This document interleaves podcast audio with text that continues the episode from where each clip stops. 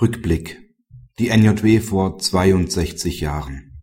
Wir werden uns vornehmlich an den praktizierenden Juristen wenden. Wir wollen dabei aber die Wissenschaft nicht vernachlässigen. Denn wir sind uns bewusst, dass gerade wissenschaftliche Gründlichkeit der Praxis wertvolle Dienste leistet.